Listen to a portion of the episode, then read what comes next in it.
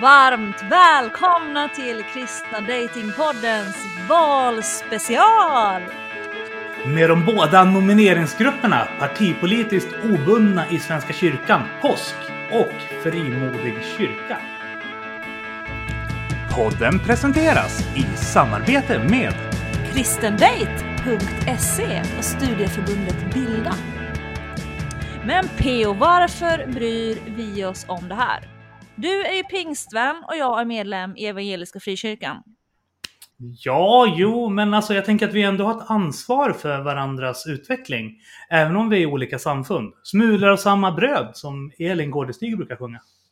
Mm, jo, det är ju så sant. Men alltså, vad handlar egentligen det här kyrkovalet om? Och varför är det som grej kring det? Alltså, jag menar, det är ju inte så att SVT, Sveriges Radio och alla riksdagspartierna lägger sig i valet om kongressen för pingst och kyrkan eller EFK. Alltså, för mig känns det bara mest konstigt. Jo, men det är en helt klart rättmätigad känsla. Eh, min bild är att det är en blandning av flera faktorer. Svenska kyrkan har ju till skillnad från det väckelsekristna samfunden närmare 6 miljoner medlemmar, vilket brukar vara huvudargumentet hos de som vill behålla dagens valsystem till Svenska kyrkan med politiskt accentuerade nomineringsgrupper och direkta val som påminner om dem till kommun, stat och landsting. Accentu vadå? Alltså sluta använda så sjukt muppiga uttryck PO. tänk på att jag är invandrare. det, det jag försökte säga var att de olika listorna och grupperna väljarna kan rösta på, de är i olika grad influerade av motsvarigheterna inom den sekulära politiken. Vissa grupper som till exempel Socialdemokraterna, Centerpartiet och Sverigedemokraterna, de kandiderar dessutom som sina partier. Så det är deras ordinarie valberedningar som nominerar vilka som ska representera partiet i Svenska kyrkan. Ja men suck! Säg det då! Du vet, rak och tydlig kommunikation makes a glorious silla happy you know. Mupp! Mupp kan du vara själv. Men alltså vi måste snacka allvar nu om det här PO. Får jag rösta? Ställer Moderaterna upp? Kandiderar Hanif Bali? ja, Moderaterna drogs ur för cirka tio år sedan och har samlat sig i en fristående nomineringsgrupp som de kallar för Borgerligt alternativ. Deras logga ser visserligen exakt ut som Moderaternas och nästan alla som är med i den gruppen är moderater. Oh, oh, oh, oh. Eh, din kompis Joakim Sjövall, han kandiderar för dem. Yes, I know. Well, man kanske skulle ta och rösta på dem då? De är ju helt okej okay utifrån mitt perspektiv. De har en ganska moderat hållning i teologiska frågor, precis som jag. oh, oh, oh, vänta nu, gav du precis ditt stöd till Moderaterna här nu va?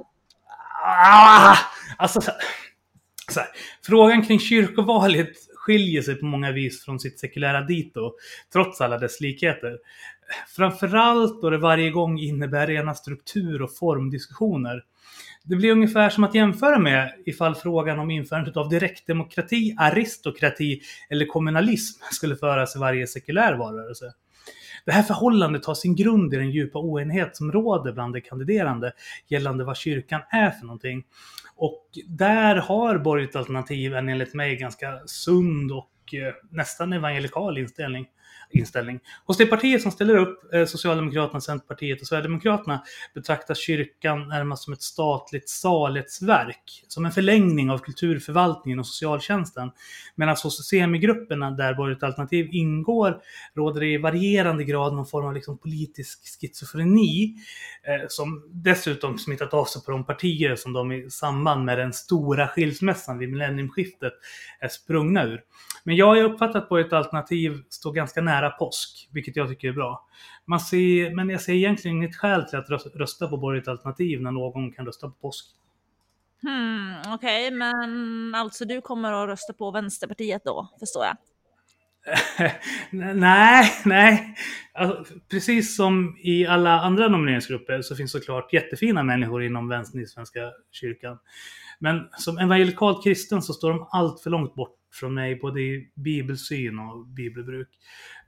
De är liksom närmast befrielseteologer och ser KG Hammar som en teologisk förebild. Sabla kulturmarxister. Vad va, va, va, va, va var det där för någonting? Inget, det var bara Penny som rapade. Hur som helst, slutligen så har vi tre nomineringsgrupper som driver den radikala uppfattningen att Svenska kyrkan torde styras helt av inomkyrkliga fromhetsinriktningar. I många sammanhang så betraktas ju dessa på gränsen till paria. Men sedan Frimodig kyrka bröts ut och bildade eget så har tongångarna mot framförallt påsk och eh, öppen kyrka blivit mer välvilliga. Det faktum att SD numera är en spelare att räkna med har även skapat bättre sammanhållning mellan övriga grupper. Där till och med Frimodig kyrka i särskilda undantagsfall bemötts med någon form av respekt och inkludering från de andra ledamöterna. ja, till och med SD-bönder har en roll att fylla i Guds komplexa skapelse. Sluta snacka skit om SD, annars åker jag hem igen. Men hej Fritiof, är du här? Ja, men PO bad mig att inte säga någonting trumpigt. Så är det därför du har suttit tyst fram tills nu? Ja, hmm, jag anser att kyrkan ska vara en kyrka och sen är det bra med det. Tror det knappast vara någon hemlighet för lyssnarna vilka jag kommer att rösta på. Men får inte trygga en rant från PO om hur vi i Centern och sossarna ockuperar Svenska kyrkan så låter jag det bero. När jag kom hit så satt han och David Kastor och hade en videorant i stereo och jag orkar inte höra dem igen. det var ju ovanligt av dig. Jag märker att ibland kan du vara riktigt diplomatisk. Du skulle bara veta. ja, man skulle ju vilja veta fler områden eh, du faktiskt är diplomatisk på, Fritjof. Ja, alltså det är ju samtliga utom politik ungefär. Hmm, intressant. Hur har veckan varit då Silla? Hörde att du har haft en dramatisk dag. Ja, kära någon. Den här dagen har inte varit riktigt min dag och det är också därför som jag inte är med i resten av poddavsnittet här för att jag um, i morse så var jag och tränade och jag dränkte min telefon. Så den dog. På vägen hem fick jag den fantastiska idén att jag skulle handla. Jag skulle storhandla på Hemköp. Och jag kommer till kassan. Mitt kort funkar inte. I normala fall så frågar man personen som står bakom en i kön om den personen kan betala ens eh, mat. Och så swishar man. Men eftersom jag inte hade någon telefon så gick jag inte det, så jag fick gå därifrån utan mat. Och sen så skulle vi spela in poddavsnitt. Och jag har ju, eftersom jag har min, ehm, jag upp, kopplar upp min dator mot min telefon, jag kör bara mobilt bredband. Så kunde inte jag koppla upp mig för jag hade inget internet. Så jag lämnar in telefonen på reparation. Och nu har jag precis fått tillbaka den. Så att nu, halleluja, har jag äntligen internet och en telefon igen. Men hela livet, alltså det är så sjukt kört utan en mobil. Det är helt galet hur otroligt beroende vi är av den här dumma telefonen ibland. Ja, det måste Nej, jag har haft bättre dagar om vi säger så. Ja, det måste verkligen ha varit jobbigt för dig. Ja, det har varit en riktig skitdag faktiskt. Ja. Hur var din dag då Fritiof? Eh, ja, alltså jag har ju haft lunch med SD eh, och sen skulle ju de visa hur renoveringarna på kommunkontoret såg ut. Men då stötte vi på Moderaterna eh, på, Yay, halleluja! på torget där och vi kom ju inte riktigt därifrån. Eh, för att de ville prata med oss så mycket. Men det var ju jättetrevligt att prata med dem också. Ja, men det förstår jag. Ja, jag har ju haft en jättetrevlig dag. Mm. Så om vi kan lämna den här delen nu med klubben för inbördes beundran så kanske vi ska presentera veckans låt. Ja, har vi något eh, peppigt i nu PO den här veckan eller vad är veckans låt? Ja, peppigt och peppigt. Men det är Påsks toppkandidat, Eva-Maria Munk, som skickat in den. Hon är verkligen superduktig. Ah, var med i valspecialen du körde med påsk tidigare ikväll? Nej, tyvärr inte. Men vi gästades av Anna-Sara Valdén från samma nomineringsgrupp. Hon är minst lika glorious. Synd att du missade den förresten. David Kastor hälsade så mycket till dig. Ja, sjukt deppigt. Men, men alltså det ska bli superintressant att få lyssna i efterhand i varje fall. Uh, fick du fritt för att göra puss och kram med dig förresten när jag inte var med?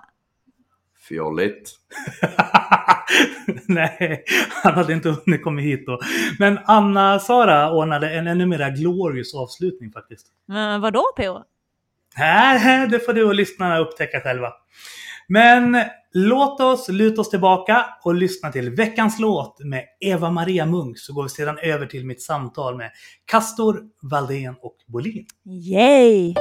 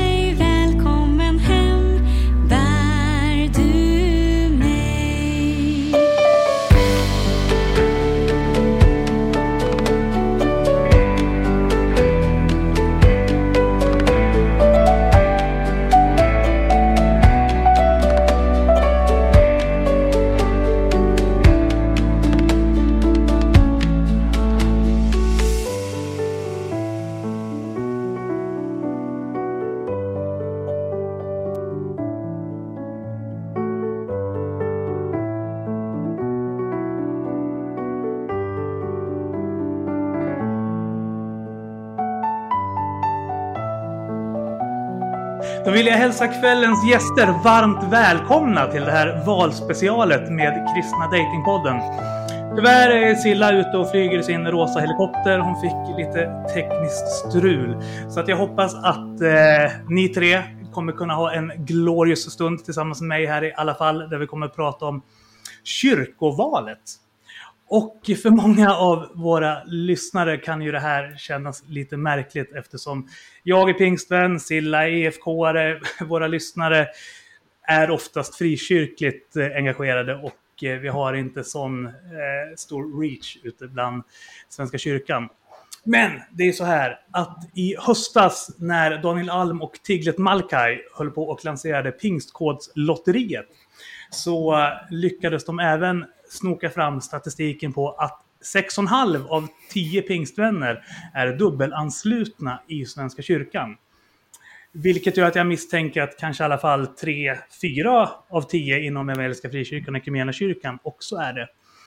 Så att eh, det här är Kristna Datings-poddens sätt att lyfta upp de två grupper som vi eh, känner starkt för. Påsk och frimodig kyrka. Men jag tänkte, ni är inte bara här som era nomineringsgrupper. Ni är också här som kristna bröder och systrar och präster i ett eh, samfund som eh, vi uppskattar väldigt mycket hos, även om just vi har valt att engagera oss i andra samfund. Jag tänkte innan vi drar igång det teologiska samtalet och lite snack kring mys och dating, teologi, relationer, så kan vi väl bara presentera er själva lite grann. David, du är ju en eh, gammal goding här i Kristna Datingpoddens sammanhang och tidigare eh, även känd från tv tillsammans med Cilla Eriksson från Tro, hopp och kärlek. Men du kan väl börja presentera dig ändå för de som har missat det helt fantastiska avsnittet Episod 4. Där jag, David, Lars Gunther, Silla och Stina diskuterar kristna raggningsrepliker. Ja, grymt avsnitt. Eh, ja, David heter jag. Jag, jag. jag är präst precis som, som mina kollegor som ska presentera sig om en stund, men jag jobbar inte längre i församlingstjänst utan jobbar för en missionsorganisation som heter eh, Norea. Vi jobbar med mediemission både ute i världen, eh, i, i Mellanöstern och Centralasien bland annat, eh, och här hemma i Sverige där vi försöker producera en del material, inte minst för, för närradio och sådär. Eh, det tycker jag är fantastiskt roligt. Mission är viktigt. Hur gör man om man vill veta mer om Norea? Har ni någon hemsida eller så? Noreasverige.se eller appen Norea. Mm. Kanon. Och Anna-Sara, eh, vem är du och eh, vad gör du när du inte kandiderar till kyrkomötet för påskpartipolitiskt obundna i Svenska kyrkan? Ja, eh, jag är präst till yrket, församlingsherde är titeln. Eh, I Lycksele församling eh, i ett pastorat som heter Södra Lapplands pastorat. Det säger någonting om den geografiska placeringen ungefär. Södra delen av Lappland eller det inre av Västerbotten. Eh, så det är väl det jag gör oftast. Sen tar jag även hand om min familj ibland på lediga stunder. Det kan ju också vara en viktig del av livet, kan jag känna. Mm. Och sist men inte minst har vi en av kyrkomötets yngsta ledamöter, vilket är lite lustigt då du typ är lika gammal som mig. Evelina Bolin. Ja, jag kanske var det på den tiden jag var i kyrkomötet.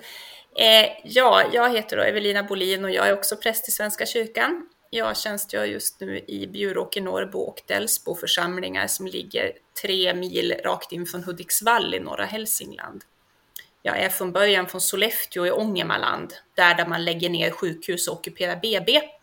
Kanske en anledning till att det, anticentralisering är så viktigt för mig, även i kyrkan. Eh, så, och jag, för tydlighets skull, jag kandiderar ju faktiskt inte till kyrkomötet i det här kyrkovalet. Eh, jag har gjort det flera gånger tidigare för Frimodig kyrka och jag har flyttat rätt nyligen och så, så då eh, har bytt valkrets och sådär. Men jag sitter i riksstyrelsen för Frimodig kyrka och jag tycker ju att alla ska rösta på den gruppen förstås, precis som jag. Även om man inte just kan kryssa mig. Det är inte så viktigt. Ja. Innan vi går över och diskuterar vilken Jesus-syn era respektive nomineringsgrupper har så tänkte jag bara kolla. Ni som liksom är församlingsledare, präster och ni är alla tre dessutom gifta. Har ni något bra tips till våra lyssnare? De som är singlar, unga vuxna och som verkligen vill träffa en kristen partner. Och kristendate.se funkar inte. Och tro, hopp och kärlek har de lagt ner. Studera på eh, någon eh, kristen högskola eller folkhögskola. Det tror jag är ett bra tips. Där tror jag att många, många kan, har hittat, historiskt sett i alla fall, en partner. Där, där träffade jag min man i alla fall. Mm. Härligt. Mm. Evelina? Om du studerar, bor på ett kristet studenthem, om du är förbi studieåldern, flytta till en plats där det finns fler kri- krist, unga kristna. För det är ganska stor geografisk skillnad i Sverige. Det var så jag gjorde.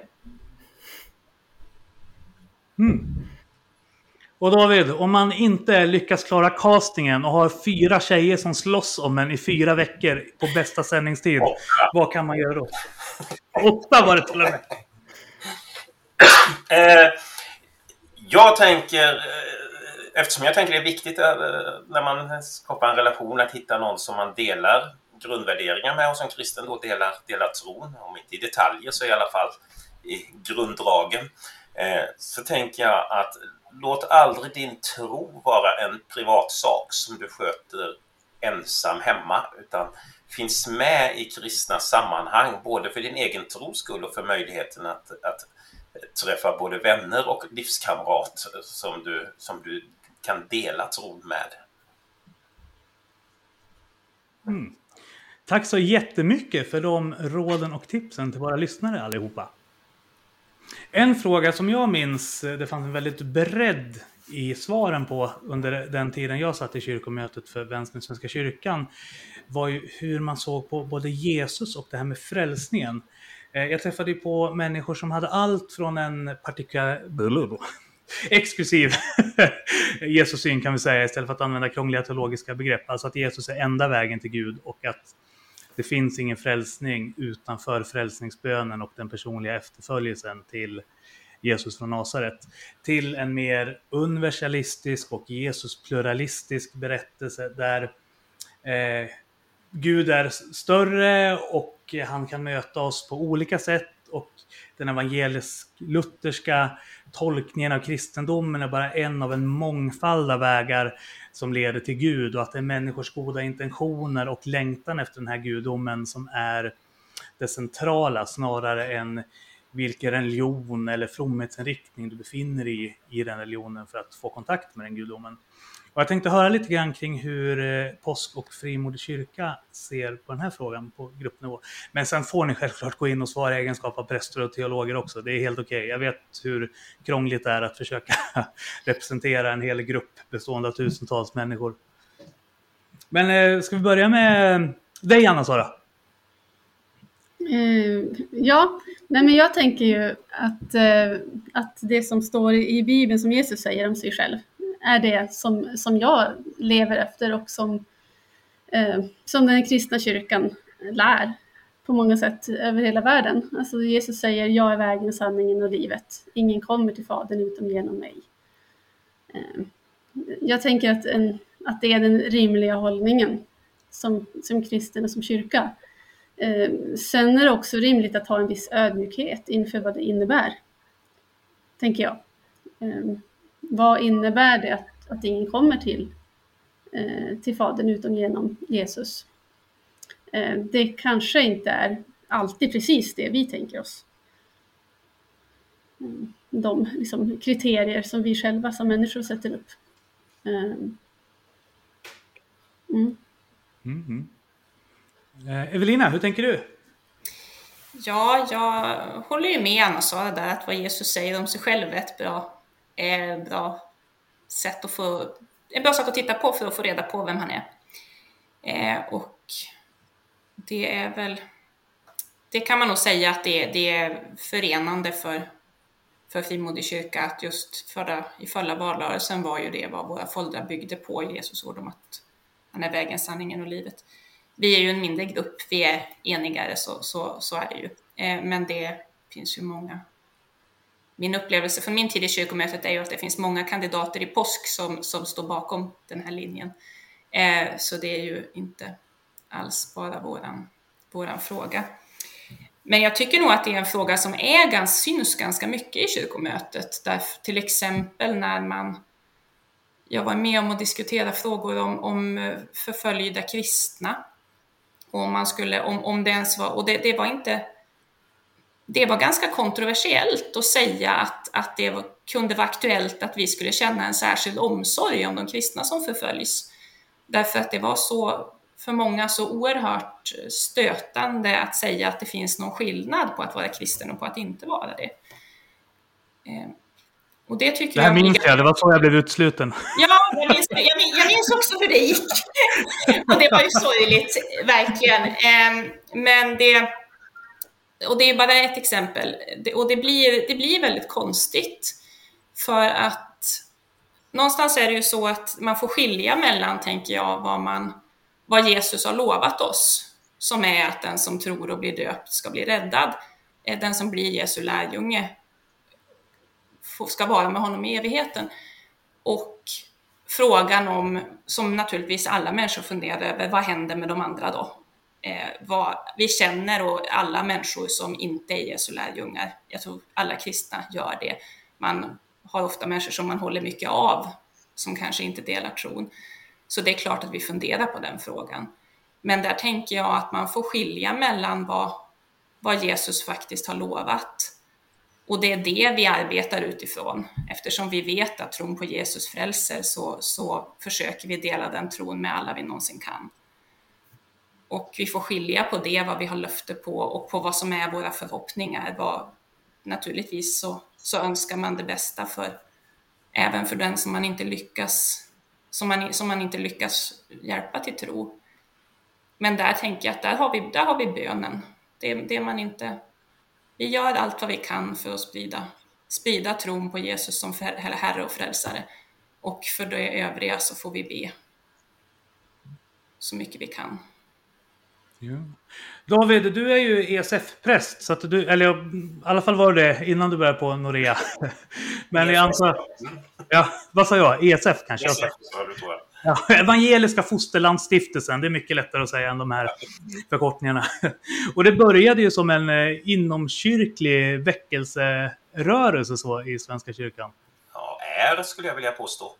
Ja. Men kan inte du berätta lite grann, varför behövs det en inomkyrklig väckelse i Svenska kyrkan? Det, det är, för, för mig som är med i ett växelkristet samfund så är det en liten tiltande tanke att det helt plötsligt skulle dyka upp eh, någon falang som var en, ett samfund i samfundet. Så att säga. Jag tänker så här att, att eh, det finns styrkor, om vi ser på vårt eh, kyrkliga, eh, kyrkliga karta i Sverige så har Svenska kyrkan en del styrkor och frikyrkorörelsen har en del styrkor. Där Svenska kyrkans styrka är ett, eh, ett stort förtroende i samhället och låga trösklar.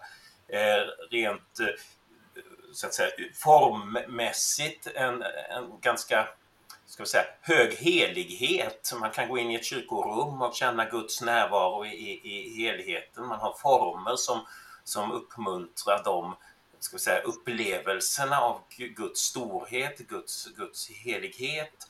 Eh, medan frikyrkans styrka överlag, eller väckelserörelsernas styrka överlag, är det personliga engagemanget och den, den, den personliga närheten. Eh, där man kanske ibland kommer för nära och medan man, man är en svenskkyrklighet ibland är lite för försiktig att, att faktiskt eh, bjuda in till en, till en tätare gemenskap, en, en, en närmare gemenskap. Eh, och i det spelrummet någonstans finns EFS som teologiskt finns i Svenska kyrkan och som i sin självbild, i vår självbild är vi en, vi är en del av Svenska kyrkan, vi är inte en egen kyrka, men vi tycker det är viktigt med det personliga engagemanget. Inte bara en, i form av att man kan få tilldelas uppgifter, för det kan man få i alla sammanhang tror jag. Eh, men också att man som enskild engagerad medlem eh, är med och tar ett ansvar. Och där tänker jag att det här skulle kunna finnas i hela Svenska kyrkan. Det finns inte i hela Svenska kyrkan, men EFS är en bild av hur, det, hur jag tänker att det skulle kunna vara, även bredare. Eh, sen står EFS också, skulle jag vilja hävda, för en, för en teologisk syn som är, ja, ligger frimodigkyrkan nära, till exempel, eh, med, med en, en, en kalla traditionell eller klassisk eller konservativ syn på, på Bibeln och på, på Jesus som, som allas frälsare eh, och utgör därmed en, en så att säga EFS är inte lika brett teologiskt som Svenska kyrkan är teologiskt. Det var en fråga jag inte riktigt var beredd på idag, men ungefär så. Men, men du, du nämnde ju det här med tät och nära gemenskap och det är någonting som vi på Kristna Datingpodden verkligen tror på. Så jag tänkte kolla med dig Anna-Sara. Om eh, våra lyssnare röstar på påsk, hur kommer ni då bidra till att Svenska kyrkan blir en bättre plats för singlar och unga vuxna att hitta de här täta och nära gemenskaperna på? För hela vårt samhälle är ju väldigt eh, ska man säga så här, parorienterat och kyrkan kanske framförallt är väldigt familjeorienterad. Men ifall du av olika anledningar inte befinner dig i den eh, sociala strukturen, hur kan ni göra Svenska kyrkan till en mycket mer glorious plats för dig som är singel? Oj, eh, det var en mycket spännande fråga. Eh, det måste jag säga. Eh, nej men jag, jag tänker ju att, att påsk eh, står för eh, Eh, lokalt engagemang i församlingen där eh, de som är liksom engagerade i församlingen tar ett ansvar för sin församling. Ehm, och det ligger ju faktiskt EFS-tanken också väldigt nära, även om det i påsk inte är långt ifrån en väckelserörelse. Eh, så tänker jag att, att det är faktiskt en nyckel för väldigt mycket i Svenska kyrkan, alltså just att bemyndiga människor, både unga och eh, mer ännu äldre vuxna.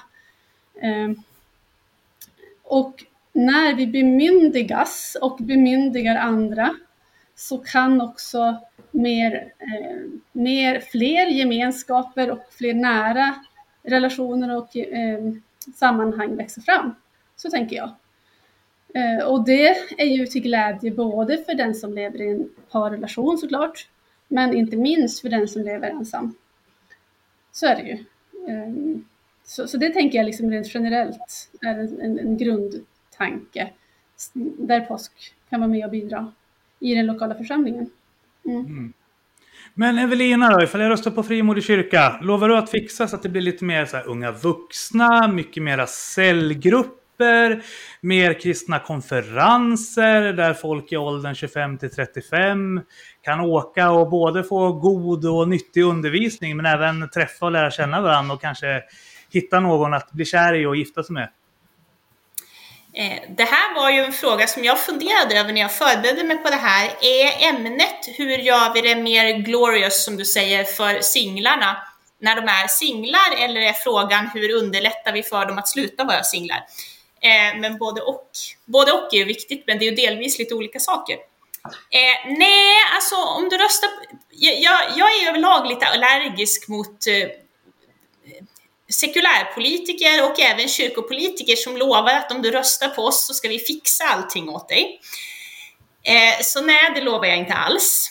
Eh, men däremot så, om jag tänker på de församlingar och sammanhang där jag har rört mig, där Frimodig kyrka är starka, där vi har stort stöd, många förtroendevalda och så, så, så är ju, har ju de församlingarna en del gemensamt, upplever jag.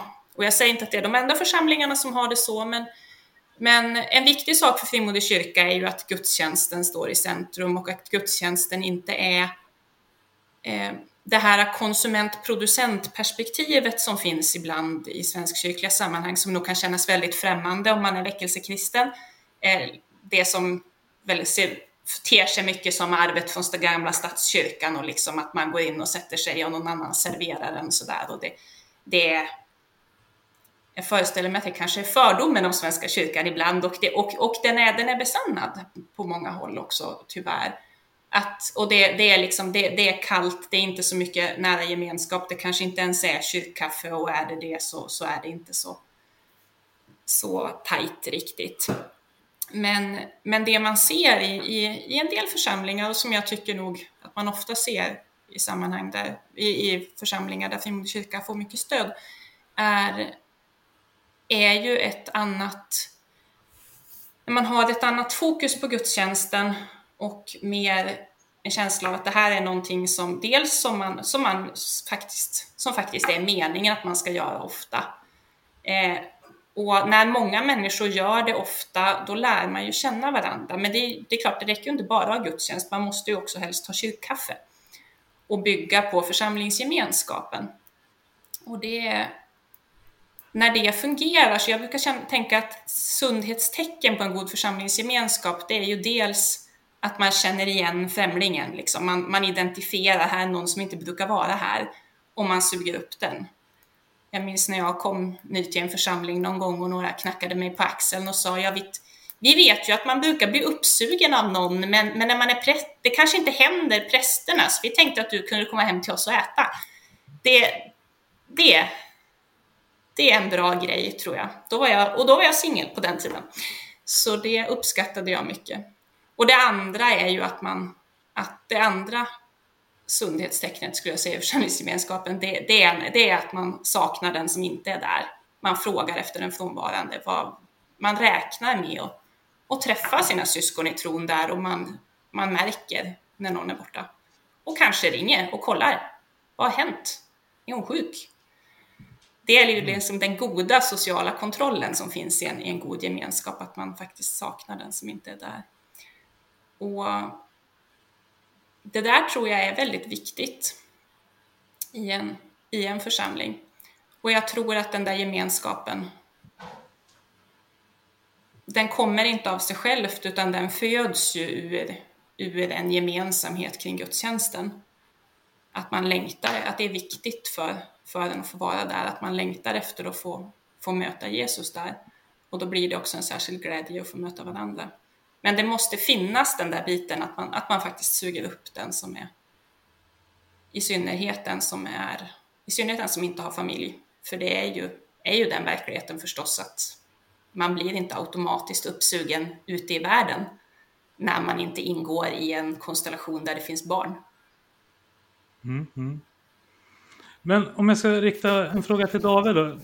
Vad skulle du säga, vilka former av institutionaliserad vänskap eh, finns det som Svenska kyrkan erbjuder? Jag menar, utifrån mitt perspektiv så är det så här, du, du är konfirmand och det är glorious. Och sen så kan du vara konfirmationsassistent och det är också helt awesome. Men det måste du ju sluta vara vid någon punkt. Alltså så här, det är samma sak som inom pingströrelsen där vi är alla till ungdomsledare så fort de passerar 18 på grund av att ifall vi inte har ett unga vuxna-arbete så är det den formen av institutionaliserad vänskap vi har.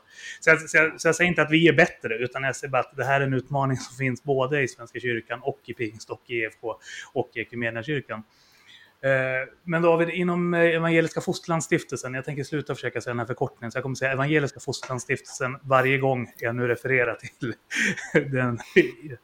den Oj, vad långa diskussioner det varit om att byta det namnet för att det låter så otidsenligt. eh, nej men, eh, jag tänker, du beskriver helt rätt att, att det här är ett problem för i alla samfund som jag känner till i alla fall. och jag tänker att jag rör mig ganska ekumeniskt. Eh, jag tycker att det är ett bekymmer, dels att vi både i Svenska kyrkan och i frikyrkorna, precis som du är inne på, ser att fortsättningen att vara med efter man är 15 eller 16 eller 17, det är att vara ledare. Eh, I Svenska kyrkan så är det genom att man blir konfirmandledare och, eh, och ska fortsätta vara det. Och så förutsätter vi på något sätt att ska man ha en plats i kyrkan då ska man vara ett ledarämne och är man inte riktigt ett ledarämne, är man inte det naturligt, då ska man stöttas i att ändå vara det. Och, och, och, så tänker jag att, eh, alltså precis som du säger, så är det inte sällan i, i frikyrkan också. Eh, det tycker jag är ett problem. Vi måste hitta former och, och eh, träffpunkter som, som inte bara är för ledare utan, utan är för vem som helst. Eh, jag, ska, jag förenklar lite där. Man kan vara ledare eller man kan vara sångare, för körer har vi för alla åldrar. Eh, men om man inte sjunger och inte är naturlig ledare, då börjar det bli svårt att hitta plats eh, där man, där man får, får känna sig hemma. Eh, sen tänker jag att, att Evelinas linje är, är, är viktig. Har, har vi, har vi funger, ett fungerande gudstjänstliv där gudstjänsten kan till, ha tilltal till, till alla åldrar, då är det den naturliga mötesplatsen i en församling, tänker jag. Eh, det är en jätteutmaning och det är inte, det är inte så enkelt, men, men där både utformning av gudstjänst, medverkan i gudstjänst och inte minst kring arrangemang så, som kan vara kyrkkaffe och som kan vara en, en aktivitet efter gudstjänsten, som kan vara en utvärld, som kan vara olika saker.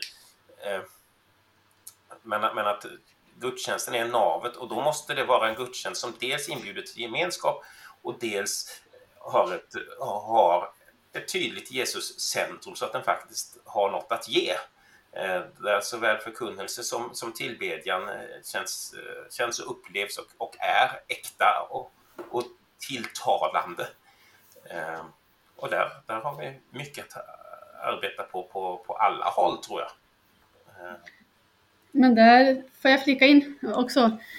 Där, där tänker jag också att ehm, det har hänt en del sen jag var i 19-20 års åldern, eller kanske det börjar hända ungefär där tänker jag. Och där vill jag faktiskt ge lite cred till EFS också, just med eh, de här livskraftlägren som började komma någonstans där. Eh, som ju är läger som riktar sig till just unga vuxna. 20 till 35-åringar. Eh, och som jag tror, att sådana sammanhang tror jag kan betyda jättemycket för den som är, för det är så viktig brytpunkt där när man tar, man tar studenten och man ska bli vuxen, men man är liksom inte vuxen-vuxen, eller vad man ska säga. Man ska hitta sin egen tro och stå på egna ben. Eh, och sen är kanske inte alla i den fasen tills man är 35. Eh, men en del är det. Och ja, jag tror att de lägren betyder mycket. I Luleå stift så har ju man också gjort en egen variant av det nu sista åren i alla fall. Ett läger för unga vuxna. Eh, för det är väl rent krasst så att, att det är kanske inte jättemånga i varje församling som, som vill fortsätta som unga vuxna. I alla fall inte om man säger Lycksele eller om man säger ja, i, i inlandet i, i Västerbotten eller Norrbotten i alla fall är det ju väldigt mycket utflyttning. Så efter gymnasiet så flyttar man, väldigt många, till en universitetsort till exempel. Eh, det blir många, en del kvar såklart, men om man nu tänker en sån här kyrkans unga grupp så blir den ganska decimerad någonstans i 19-20-årsåldern. Eh, och då blir det ganska viktigt att hitta större gemenskaper, just vid läger och så. Eh, för hur fina kyrktanterna än är så, så behöver man också människor som är lite närmare i ålder. Hur tänker Påsk och Frimodig kyrka kring det här med studentpräster och att de kan få ett mer tydligt mandat och uppdrag att gå in och skapa olika former av unga vuxna grupper och cell och hemgrupper eh, för kristna studenter runt om i landet? Jag vet inte om, om Påsk tänker något särskilt som grupp om det. Eh, men om jag, jag tänker vad jag tänker om min, min erfarenhet från studenttiden så skulle jag säga att de här mer eh, ideellt burna grupperna där studenter engagerar sig för studenter egentligen är de som jag tänker känns allra mest relevanta. Eh, ja men, vad heter de? Eh, Credo och Caritas och, ja vad, vad heter de? Jag vet inte. Ny generation. Eh, va? Ny generation är också en sån. Ny generation, ja men det finns olika sådana, jag vet inte. Eh, där det blir liksom en mer gemenskap som inte bygger på att en professionell människa ordnar för andra utan att där, där man ordnar för varandra. Det tror jag är värdefullt. Jag tänk, får, får jag bara backa bandet en liten bit till, till lägerupplevelser och sådär. Jag satt faktiskt med i planeringsgruppen för det första livsdraftlägret så det var kul att du lyfte det. Eh, men, eh, men eh, jag tycker ju ofta att jag har hört eh, önskemål från lite äldre ungdomar eller unga vuxna att varför ordnas det inte läger och konferenser för oss? Eh, och min erfarenhet är att jo, det görs faktiskt, men det är ingen som kommer på dem. Eh, mm. Det är väldigt svårt att, att arrangera någonting för, säg åldersgruppen 20 till 25. Eh, för där är en grupp som önskar det. Eh, men men det är väldigt svårt att få tillräckligt många att komma på det. Jag vet, det kan hända att det är en del som har erfarenheter av att det har lyckats. Mina erfarenheter är att det är väldigt svårt. Eh, över 18 är svårt att samla. Och då kan det bero på att lägerformen faktiskt är för 15 till 18-åringar bättre än för 18 till 25-åringar. Eh, men, eh, men nästan hur man än gör så är det svårt. Eh, tänker jag. Det innebär inte att vi ska sluta försöka givetvis, men, men, men det är ingen lätt uppgift och det är, inte, det är inte så enkelt som att kyrkor inte försöker och inte erbjuder. Men det är inte helt lätt att hitta vad, vad vill man ha? Vad vill ni göra för att simulera liksom, Svenska kyrkan som en social aktör som verkar för fler mindre överlåtna gemenskaper? Evelina, du kan börja. Jag är inte säker på att jag förstår frågan. Ja, men till exempel, eh, till exempel ett medvetet cellgruppsarbete där man utbildar cellgruppsledare för att sen kunna gå ut och ta det ansvaret för att formera och bjuda in till ah, den typen Jag som satt och filade på, mitt, på, på vad jag skulle säga om studentprästerna. Men, ja, börja med studentprästerna, det är helt okej. Kör! Nej, men jag tänkte där att Särskilt om man nu tänker på hur singlarna ska, ska, ska kanske inte... Alla singlar vill kanske inte vara singlar jämt och så. Då satt jag och funderade på var, var, var träffas de kristna paren? Och ganska många träffas ju på de kristna studenthemmen. Och på bibelskolorna förstås, på de sammanhangen där, där unga vuxna bor tillsammans. Och det kan man ju fundera på om inte, inte Svenska kyrkan, som ju på många håll ändå fortfarande har ekonomiska muskler, om det inte egentligen borde finnas fler stiftelser såsom som Sankt Anska och Sankt Laurenzi i Uppsala och Lund är ju, är ju stora. Och det finns ju också exempel på församlingar som lokalt har, ja man kanske har tagit en fastighet man har och, och eh, ordnat ett kristet kollektiv där till exempel, där, där ett gäng unga vuxna kan bo en period och folk flyttar in och ut. Och den sortens gemenskaper är ju värdefulla både för, för singlar och för singlar som inte vill vara singlar längre. Eh, men hemgrupper, ja men hemgrupper är ju, är ju bra. Eh, det är ju lite svårigheten i en församling. Eh, jag tror inte, jag tror inte vi har något i, vår, i våra, våra, bland våra olika valpunkter om just det kanske, men det uppskattas ju på många håll i Frimodig kyrka. Och det är ju viktigt. Det, sen är det ju så att i en församling man måste ju ha ett underlag lite grann för att kunna starta hemgrupper. Det går ju inte bara att bestämma att nu ska vi ha hemgrupper. Jag har fått den frågan ibland, kan ni inte starta en bönegrupp? Jo, men då måste vi ju ha Helst ska man ju ha i alla fall två eller tre, som Jesus säger, för att det ska gå att ha en bönegrupp. Så att det, jag tror att det kan bli väldigt fina gemenskaper där. Eh, men eh, lite grann är ju att man, man måste ha några att börja med. Sen tror jag när man väl har en bönegrupp eller cellgrupp, så, eller ännu hellre flera, så är det bra gemenskaper för att suga upp. Förutsatt att gruppen är sån att den förmår ta in nya, för det är ju inte heller alltid så lätt om det blir en tajt gemenskap. Mm. mm. Så. Näst sista frågan då, som knyter an lite grann till det här. För ett utmärkt tillfälle att eh, lära känna nya människor är att engagera sig i någon form av missionsorganisation. Och Sverige är ju världens näst mest sekulariserade land. Så att det vore spännande att höra lite grann om hur era respektive nomineringsgrupper tänker på just Sverige som ett missionsfält. Vilka verksamheter finns det som eh, ni stödjer idag? Vilka nya pionjärverksamheter är det som ni skulle vilja se skapas under den kommande mandatperioden? Anna tar Eller David verkar vilja ta en ja, ja, ja, den, Det här är ju, mission är min hjärtefråga helt, så jag hugger direkt. Det här tycker jag är en fråga där, där det för mig blir som allra tydligast skillnaden mellan nomineringsgrupperna. Eh, mellan, mellan de kyrkligt förankrade grupperna och, och grupper med, med svag eller, eller, ja, med svag kyrklig förankring kan vi säga. Eh, för, för det grundar sig ytterst till, tycker man det är viktigt att nå ut till människor med tro? Är, är den personliga tron viktig? Är den till och med avgörande? Svarar man som, som vi gör ja på det, då är det självklart att vi behöver nå ut till människor för, för deras egen skull. Eh, Svarar man nej på den frågan, då blir det ju mer... Eh, eh, då blir den frågan inte lika viktig. Vi behöver massor av mission. Jag, jag är tveksam till ett påstående om att vi är världens näst mest sekulariserade land dock. Den hör jag ofta och den tror jag inte ett ögonblick på. Men, men det, kan vi lämna där.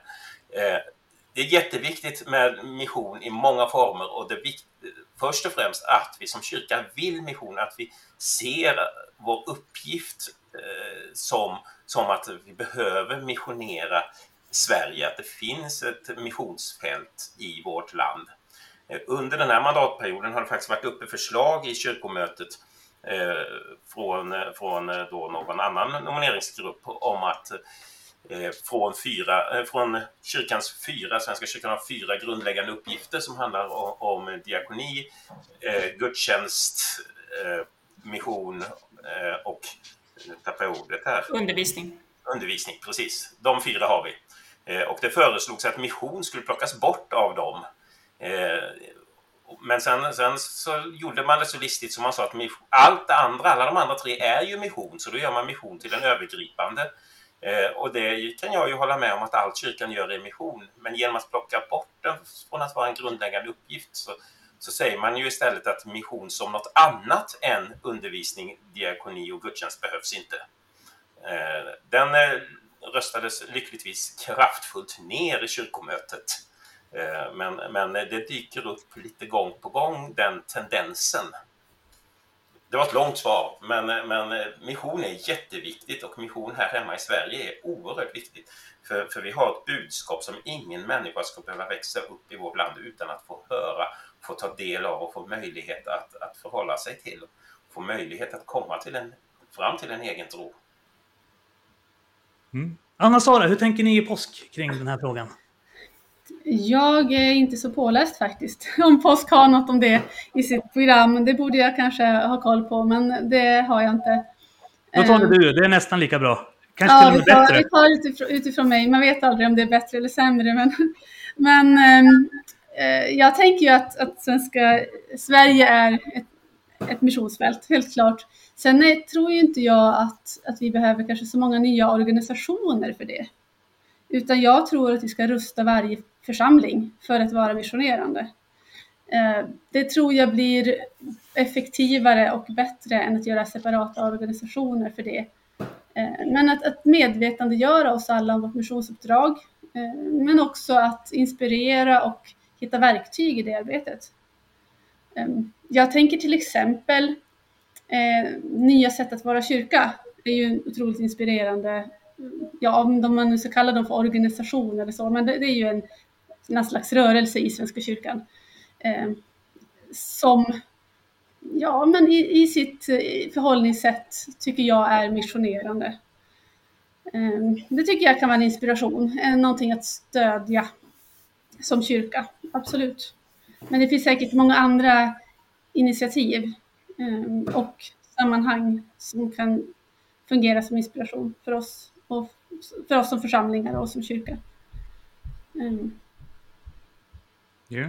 Jag ser att Evelina, du vill in där också. Ja, alla vill väl prata om mission. Nej, jag tänkte just på, på nya sätt att vara kyrka som du nämnde Anna-Sara. Det är ju lite grann inspirerat av motsvarande rörelse i engelska kyrkan som kallas för Fresh Expressions. Och den, jag tycker det är fina initiativ som görs där, men i, i de sammanhangen så belyses ofta ett problem som jag tycker vi har i Svenska kyrkan. Och det är ju att vi har väldigt mycket anställda. Eh, varför är det ett problem? Jo, men för att det blir lätt mycket fokus på, på anställda. Eh, och när man då ska titta på nya sätt att vara kyrka så blir det inte sällan frågan i en församling, hur ska vi starta en, vad ska vi starta för ny verksamhet nu? Men de finaste exemplen från, som jag har hört från England när man har jobbat med det här, det är ju när folk i Fresh Expressions-rörelsen har till exempel identifierat en stadsdel. Här är det ingen, så verkar inte vara någon som är kristen, här är ingen som firar gudstjänst. Då flyttar vi dit nu, fyra stycken, och så bosätter vi oss i den stadsdelen och så bor vi där i tre år och så lär vi känna folk och så planterar vi församling där. Alltså, och det är klart att det, det kan du inte göra i ett arbetslag. Du kan inte säga ni ska flytta dit. Och det belyser ju lite grann att du kan inte mission kan inte, du sätter det i verksamhetsplanen, men det kan inte göras av de anställda bara. Eh, det handlar inte om hur du ska forma verksamheten, utan det handlar ju om att de, de gudstjänstfirare som finns, de kristna, liksom, de som finns, kanske alldeles särskilt de som inte jobbar i kyrkan, ska missionera där de befinner sig. Och som Anna sa säger, hur ska vi rusta församlingen? Och då tänker jag församlingen i just den meningen, inte kanske så mycket de som är avlönade, utan de andra. Och det, det tror jag är en svaghet i Svenska kyrkan, att vi i för liten utsträckning tänker att missionärerna är, är de som inte står på lönelistan. Särskilt inte präster, för en präst kan ju aldrig flyga under radar. Mm, mm. Intressant. Eh, och jag tänker att eh, ni alla tre ger utifrån mitt liksom, pingstperspektiv väldigt eh, Eh, sympatiska svar som jag kan känna. Eh, jag, jag känner starkt förtroende för er alla tre som kandidater. Oavsett att ni liksom representerar olika nomineringsgrupper. Så. Eh, för att eh, det som jag kan känna en viss här, oro för inför en del kandidater till kyrkomötet är just att man nästan, återigen helt, min, helt och hållet min subjektiva upplevelse, men det känns ibland som att man skäms nästan lite grann för evangeliet och att man uppfattar det nästan som, eh, inte nationalistiskt, men elitistiskt och en form av så andligt övergrepp att säga att jag tror att det är Jesus som är sanningen och jag tror att eh, vi ska föra ut det glada budskapet att evangeliet ska föras ut till eh, de som bor i vårt missionsområde, vårt missionsfält, Sverige. Och att man tänker att så här, nej, men människor måste få finna sin egen väg och vi ska inte ge människor svar utan var och en måste finna sin egen väg. Men jag tänker så här, om jag går till en kyrka och söker upp en präst och ställer existentiella frågor kring finns rätt eller fel? Vad är ondska? Vad är godhet? Vad bes- varför, varför finns det så mycket ondska i världen? Hur lever jag ett rättfärdigt liv? Då vill inte jag ha, ha så här. Visst, som en pedagogisk eh, metod kan du ställa, ställa frågan, ja vad tänker du själv? Men jag tänker att någonstans så kan vi inte vara rädda för de svar som finns i det hopp och den livsåskådning som vi bär. Och det tycker jag att ni alla tre gestaltar på ett väldigt fint sätt. Eh, Eh, men avslutningsvis så tänkte jag att Anna-Sara och Evelina ska få hålla ett kort valtal kring varför du som dubbelansluten eh, eh röstberättigad medlem i Svenska kyrkan bör lägga sin röst på just din nomineringsgrupp. Och sen ska David Kastor få ge tre goda skäl till varför någon bör rösta på påsk. På grund av att jag kommer i många olika sammanhang att lägga fram olika argument för varför man bör rösta på frimodig kyrka. Så att vi behöver balansera upp det för påsks räkning i det här Okej. samtalet. Det blir spännande. Eh, Ska jag börja eller?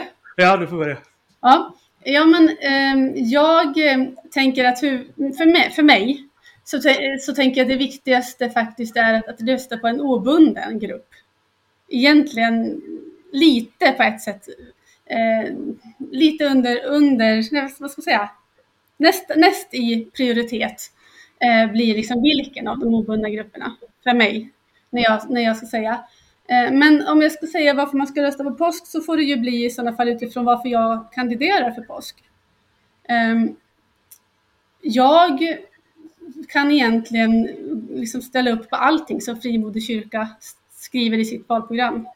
Eh, ändå står jag inte på Frimodig kyrkas lista.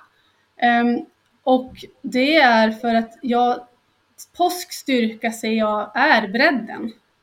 Alltså där rymmer man liksom i stort sett ja, en väldigt stor del av Svenska kyrkans bredd rent teologiskt och fromhetsmässigt. Ehm, och att man där visar också att vi kan existera tillsammans med alla våra olika åsikter och inriktningar. Ehm, det tycker jag är påsk styrka och därför så kandiderar jag för påsk. Mm. Kanon. Och jag måste även bara flika in att Anna-Sara har gjort en av de absolut snyggaste tillrättavisningarna i kyrkomötets plena som jag någonsin har sett under mina åtta år i kyrkomötet. Eh, där hon kyrkomötet hade ballat ur och alla stod och skrek och betedde sig som politiker varav Anna-Sara går upp och gör en klockren inlägg om att så här, nu får ni ta och ge er. Det här är en kyrka och vi måste kunna respektera och behandla varandra som goda kristna sy syskon. Den här retoriken hör inte hemma här.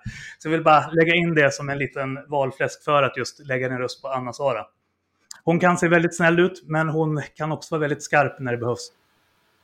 Men Evelina Bolin, varför skulle du säga att de dubbelanslutna istället för att rösta på post, påsk, inte post, påsk, bör rösta på Frimodig kyrka?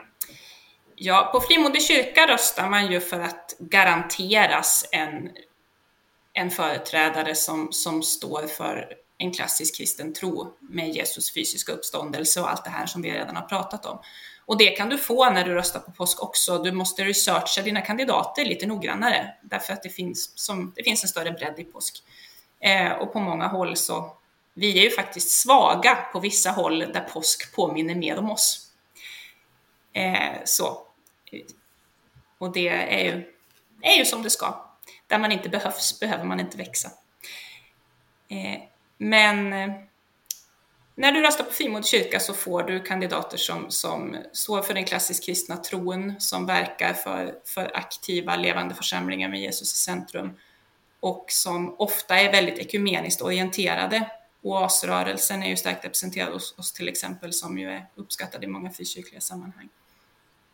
Och du får kandidater som verkar väldigt starkt för den lokala församlingens självständighet och mot centralisering av makt och inflytande.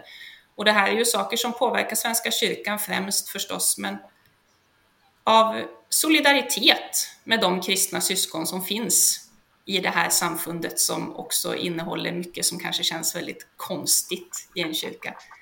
Så rösta gärna för, för vår skull som inte är dubbelanslutna utan som har det här att vara i. Ja, och David, du får ju den svåraste utmaningen för du ska plädera för en konkurrerande nomineringsgrupp. Men som jag sa, jag kommer i, bland annat i tidningen Dagen imorgon plädera för Frimodig kyrka istället. Så att Ja, just det. Det är inte mer än få balans. Och tre punkter vill du ha. Och tre punkter har, har jag antecknat här medan jag lyssnade på, på de övriga två. Eh, jag tycker att, eh, att påsk är ett gott alternativ, eh, ett, ett gott val. Av, och de tre skäl jag vill lyfta så är det första är att de vill liksom Frimodig kyrka arbeta för en förändring av valsystemet där, där nuvarande system eh, ja, det känns helt enkelt eh, fel för en kristen kyrka och, och där är vi helt överens. Eh, för mig är det den viktigaste valfrågan eh, för, i kyrkovalet eh, och därför så är det inte, skulle det inte vara mig själv helt främmande att rösta på påsk.